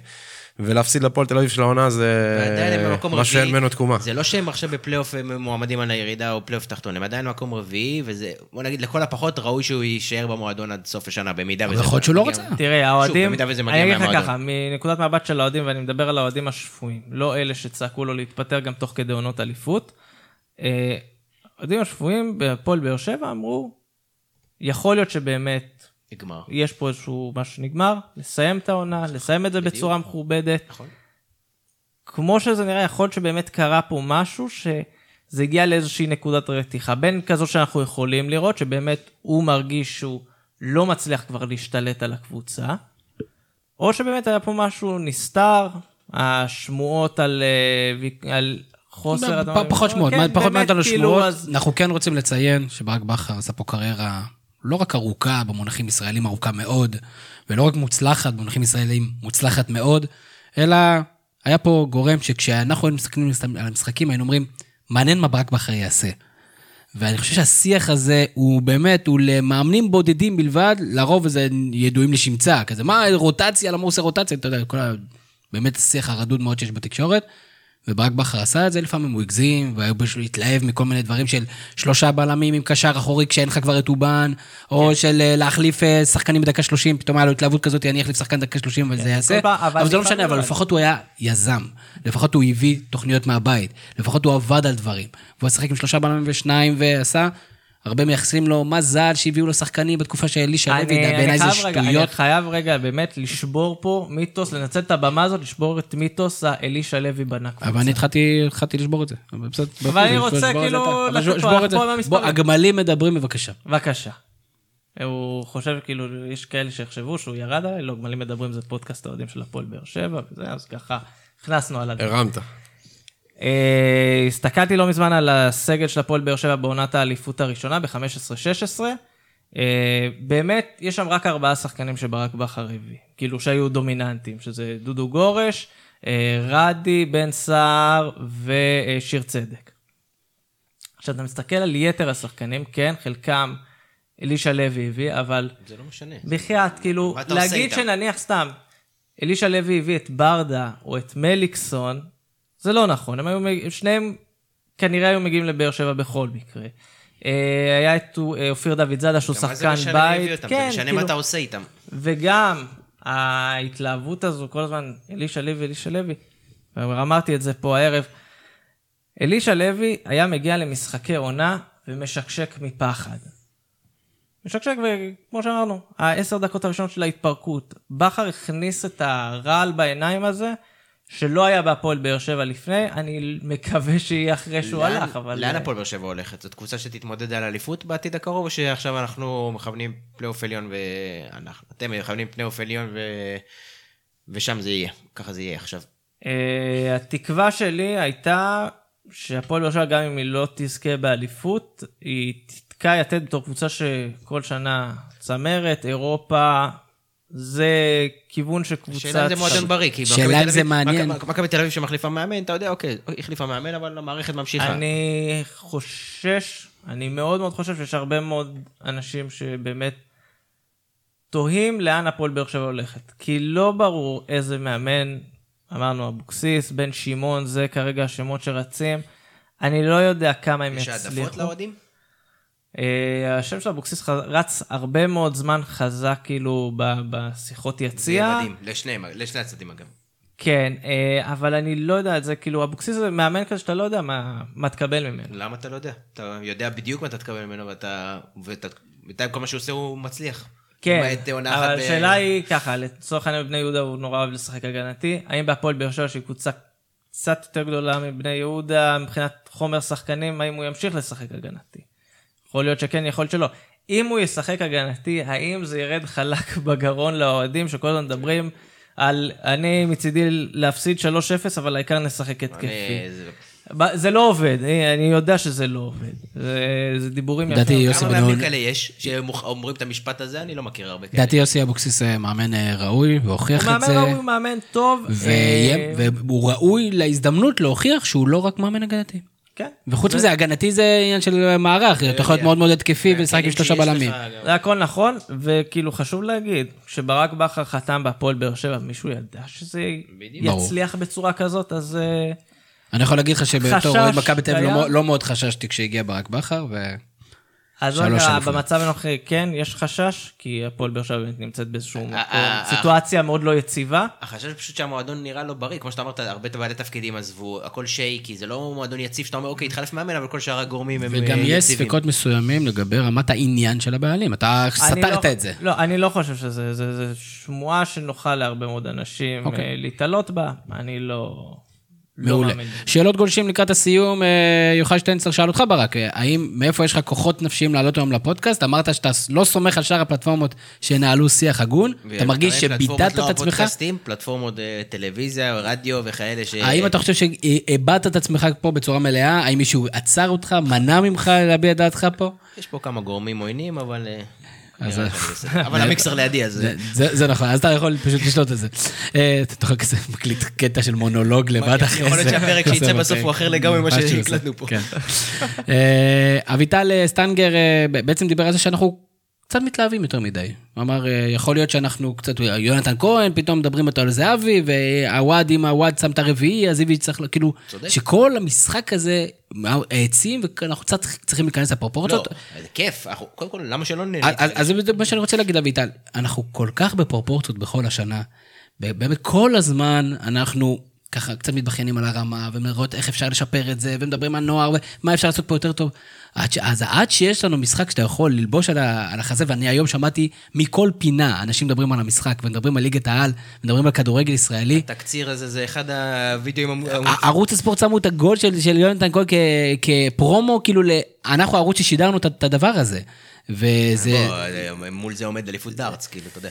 נכון, ושוב, אנחנו מפרגנים לכל מי שמשקיע בספורט, גם אם הוא חייב, אבל זה באמת שלט פרסומת נהדר לזה, אז תן, לה- תן לנו קצת לחלום. בסדר, עוד שבוע אנחנו, יש מכבי תל אביב, עוד שבועיים יש מכבי תל אביב חדרה, אנחנו נחזור לאפוריות ולעצבים ולעצב, אז תן לנו קצת, תן לנו טיפה לרוץ. אה, אסף חי עדן, חבר שלנו מכדורסל שפל, שואל, האם אתה מתכוון לתרום לכדורסל שפל מתישהו, יוסי? תספר לנו קצת על, על טיב מערכת היחסים הזו. שאתה, איש כדורגל מובהק, צריך לתרום לכדורסל שפל, אה, אנשים פחות. קודם כל, כן. אנשים פחות, אנשים באופן כללי. אנשים אה, פחות. לא, חברים טובים, ובוא נגיד שמדי פעם, אה, אם, לא יודע אם תשימו לב, אבל כן, יש לאחרונה מדי פעם פוסט שלי שצץ שם. אבל אה, כן, חברים טובים ואני מסייע להם, אם בפוסטים ואם בעזרה נפשית. זה גם טוב. זה בדרך כלל עזרה נפשית היא באמת משמעותית. אה, גיא רווה שואל, אה, אודי, אה, אומר, יש לנו, לא, לא היה עונה, כאילו, מאז 2002, 2003, לא היה עונה כל כך צמודה, אני לא יודע אם לא, זה אולי בין מכבי. תל אביב למכבי חיפה, אבל... כנראה. כמה מאבקי אליפות בקבוצות אחרות. ואיך אתה רואה את מכבי חיפה מתאוששת מהמשחק הזה? כי דרך אגב, אני חושב שהם התאוששו בדיוק כמו שהתאוששו לפני סיבוב. אני גם מאמין, נתניה של עכשיו היא לא אותה נתניה שבורה של לפני סיבוב, אבל אני מאמין שמכבי חיפה תהיה בסדר גמור. שוב, קצת אה, מאחור- מאחורי מכבי תל אביב. אתה שואל אותי, לא יודע, אולי במבט של יום אחר, אני לא חושב שיש ממה להתאושש, ההפך, תסתכלו על הדברים הטובים. אם יש משהו שאני חושש ממנו קדימה, זה הלוז, הלוז היותר צפוף לעומת היריבות, חוץ כאילו ש... היריבה שלא בגביע, אבל כל היתר, אבל, אה, חוץ מזה אני לא, ממשיכים כרגיל. דרך אגב, אני אשאל עוד שאלה שמעניינת אותי באופן אישי. אתה יודע, מצד אחד, משחק טוב מאוד, לפחות בחלקו של מכבי- של מכבי חיפה, התאוששה, מנטלית והכל. מצד שני, עוד מספר ברצף הבאמת משוגע של אי הצלחות נגד מכבי תל אביב בכלל, ובאופן ספציפי בסמי עופר. זה מגדיל את הקוף על הגב, או מוריד את הקוף על הגב, או שהקוף הוא פשוט שם. אני חושב שהקוף פשוט נשאר שם, אני לא חושב, אני לא הרגשתי שהוא מגדיל אותו, הוא פשוט, אתה יודע, זה המשחק שהייתה בועה כזו גדולה שאמרת, טוב הנה השנה אנחנו לא סתם גם מנצחים אותם בסמי עופר וגם משווים אותם בטבלה, וראינו שאנחנו פחות טובים, אני לא חושב שזה יהיה איזה השפעה דרסטית על המשך העונה. נהדר. אה, אודי ריבלין, מי, מה, מה נאחל לך לקראת, אה, אתה יודע, המשך השנה האזרחית? להמשך השנה האזרחית, שליברפול תמשיך אה, לעשות חיל, כי מכבי חיפה בסדר, היא משמחת העונה יותר מעונות קודמות, אבל ליברפול באמת משמחת העונה. אז זה גם כן מעלה שאלה, אתה יודע, שנה שעברה כשמכבי תל אביב רצה לבד אה, לאליפות עם עצמה, אחרי שלוש שנים שהיא לא, זכתה, לא זכתה באליפות, שאלו אותי אנשים, אה, מה, אתה, אתה, איך אתה מרוצה מזה? כאילו, אתה מוביל 31 הפרש, מה, אתה בכלל מתלהב? אז ליברפול, בעזרת השם, תהיה בדרך של הסיפור הזה. שאלה, האם, האם זה כיף? האם זה בכלל כיף לקחת אליפות, בעזרת השם שזה יקרה? כי זה כשאין לך תחרות. כן, בינתיים העונה הזאת היא מאוד מאוד כיפית, אפילו שמהר מאוד היריבות לאט לאט נושרות להם במורד הטבלה. נהדר. הייתה, אה, הבאסה היחידה שאנשים לא יכולים לראות איך אודי החליף צבעים בזמן שהוא שמע אותך אומר, אה, ליברפול זוכה באליפות. לא, הוא- אודי הוא לא. כזה, אודי לא כזה, הוא לא מהנכסיונרים. אה, כמה שאלות מה- מהטוויטר שלנו, אה, גמלים מדברים, הפודקאסט של אה, הפועל באר שבע שאתה אה, חבר בו, אומר קודם כל תזכיר אותנו, אז אולי תגיד באמת שתי מילים על, על הפודקאסט עצמו, חברים, מה האג'נדות שלכם, אז ככה, באמת אחרי שקצת... אה, זה סיפור קצת מוכר, נראה לי, נמאס לנו לשמוע דברים בתקשורת הממוסדת.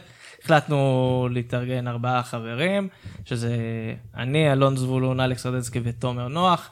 אה, פודקאסט אוהדים, החל אגב מהשבועות האחרונים גם אה, הבאנו את רונל ברכה שהצטרף אלינו לסגל, התרחבנו. גם כתב טור אצלנו באתר, טור מאוד יפה. נכון, אה, והסגל המורחב הזה, אנחנו באמת, אני באמת, זווית של אוהדים, לא מתלהמת, הכי מכבדת, ומתוך אהבה נטו. והוא אמר דבר שני, דבר על ג'ימי, אולי הוא סימפטום לכל הכדורגל הישראלי. אה, ג'ימי. מי זה ג'ימי? ג'ימי. זה כלב בירושלים. משהו אגב. לא, ג'ימי. לא, ג'ימי אהבת חיי, ג'ימי מרין, השחקן שהפועל באר שבע הביאה בקיץ. ודיברת עליו. דיברנו עליו. יפה. מ- מיכאל אה, לויט אה, פרגן לנו שהבאנו את יוסי, והוא גם שואל, כמה מהמשחקים בין- מכבי תל אביב למכבי חיפה נגמרו ב-4-3? קיבלתי הוראה מהסוכן שלי לא לענות למיכאל לויט עד שהוא לא לובש חולצה של מאור מליקסון ומבקש סליחה. אז אה, אז אז אין לנו תשובה. אז אין לנו תשובה. ו- הטוויטר זה מקום עם מלא אינטריגות. אני תמיד, אה, אני אני נחשפתי לזה רק בחודשים ואף אחד האחרונים. לא יודע, ואז זה הופך להיות גג, ואתה תמיד כשאתה מגיע לגג, אתה אומר, מה? קורה פה?" לא בסדר עם אנשים. אה, תומר נוח שאל את דעתך לגבי מדיניות הרכש של באר שבע, אבל אני חושב שדנו בזה. מספיק. גם הדר בר דוד דיבר על אה, פיקפק ביכולותיו של ברק בכר, האם הוא באמת מאמן גדול כמו שעשו ממנו, או שאולי הסגל שהיה לו היה מספיק חזק. דיברת גם על זה, ושברת את המיתוס, לא נתת לאף אחד אחר אה, לשבור את המיתוס. איתמר אסרף שאל מה אנחנו חושבים על הבעיטות של מבוקה ביונתן כהן. אה, היה בערך בדקה 15 או 20, תלוי והיה סוג של זה ממש תלוי את מי אתה שואל. קונסנזוס באנשים שהם לא אוהדי מכבי חיפה שמדובר בכרטיס אדום. לא אני חייב להגיד... אז זהו, זה מעניין לא, לא, אותי. יש- אה, אני... זה- זה- זה גבולי מאוד, זה מתקרב, יש ריח שם, לא יש שם. ריח. בסדר, אבל. זה לא קונצנזוס, זה כבר קודם כל. אני לא יודע, שוב, היה- ראיתי את זה פעמיים, לא יודע, הוא בעט בכדור, בפעם הראשונה הוא בעט בכדור. אפשר לעשות מזה. צהוב, לא, אני לא חושב ש... הוא לגמרי, אבל שוב- זה לא הבן אדם, זה לא, אני לא יודע. כמו כמו רוב לא השאלות בנושאים בודקים האלה, זה תלוי איזה קבוצה לפני אתה כרטיס. אדום? מה? לא יודע, אצל רייס בדקו. אחרי זה, כן. אה, דרך אגב, סוגיה סופר מעניינת בפני עצמה, ואולי אנחנו ננסה להיכנס לעומק, לעובי הקורה בהמשך בנושא הזה. ובני אה, לבנון, גם כן שאל את יוסי, מה דעתך על הסקל הקיים של הפועל באר שבע? ו- וזה באמת אה, שאלה שלא כל כך דשנו בה, דיברנו קצת על הסגל, מה מצבו כרגע, אבל אם אתה עכשיו בעל המאה, בתוך ההנחה שיש חלוץ שמגיע בדרך, מה הפועל באר שבע בכלל צריכה לעשות? האם שחקנים שהיית משחרר? מי השחקנים שהיית מביא? בבקשה, קח את המושכות. וואה, אה, שחקנים שהייתי מביא, קודם לוסיו. כל, אה, לא, לא הייתי ממהר להביא את לוסיו, אבל אה, בלם, קשר אחורי, אלה שני, שני, שתי העמדות שבעיניי לפועל באר שבע הכי דחוף אה, להתחזק בהן. אה, יש כמה שחקנים שהייתי... אה, דווקא קשר אחורי, יש גם את קלטינס, יש גם כן את אה, עדן שמיר, כן, שיכול אבל לשחק, זה וגם לא- את קאבה. זה לא עובד, כי מה שקרה שם, אתה יודע, עכשיו אם בכר לא פה, אז זה כאילו משנה את הכל, כי בכר היה אוהב להוריד אחד מהם אה, בתור בלם, ואז זה כאילו מוריד ממך קשר אחורי מי שאתה יכול לשחק. אז, אה, אבל כן חסר, חסר את הקשר האחורי הגרזן הזה, מצוין. ההוג הוא- אז האם אתה היית הולך ומצטרף למתן חלק, שהוא באמת בן בן אדם באמת יקר, אבל קצת טיפה בלב. איבד את זה בחמש, עשר, חמש עשרה שנים האחרונות. לא. באמת, בן אדם, לא. אהבה בלב, אה, לב פגוע.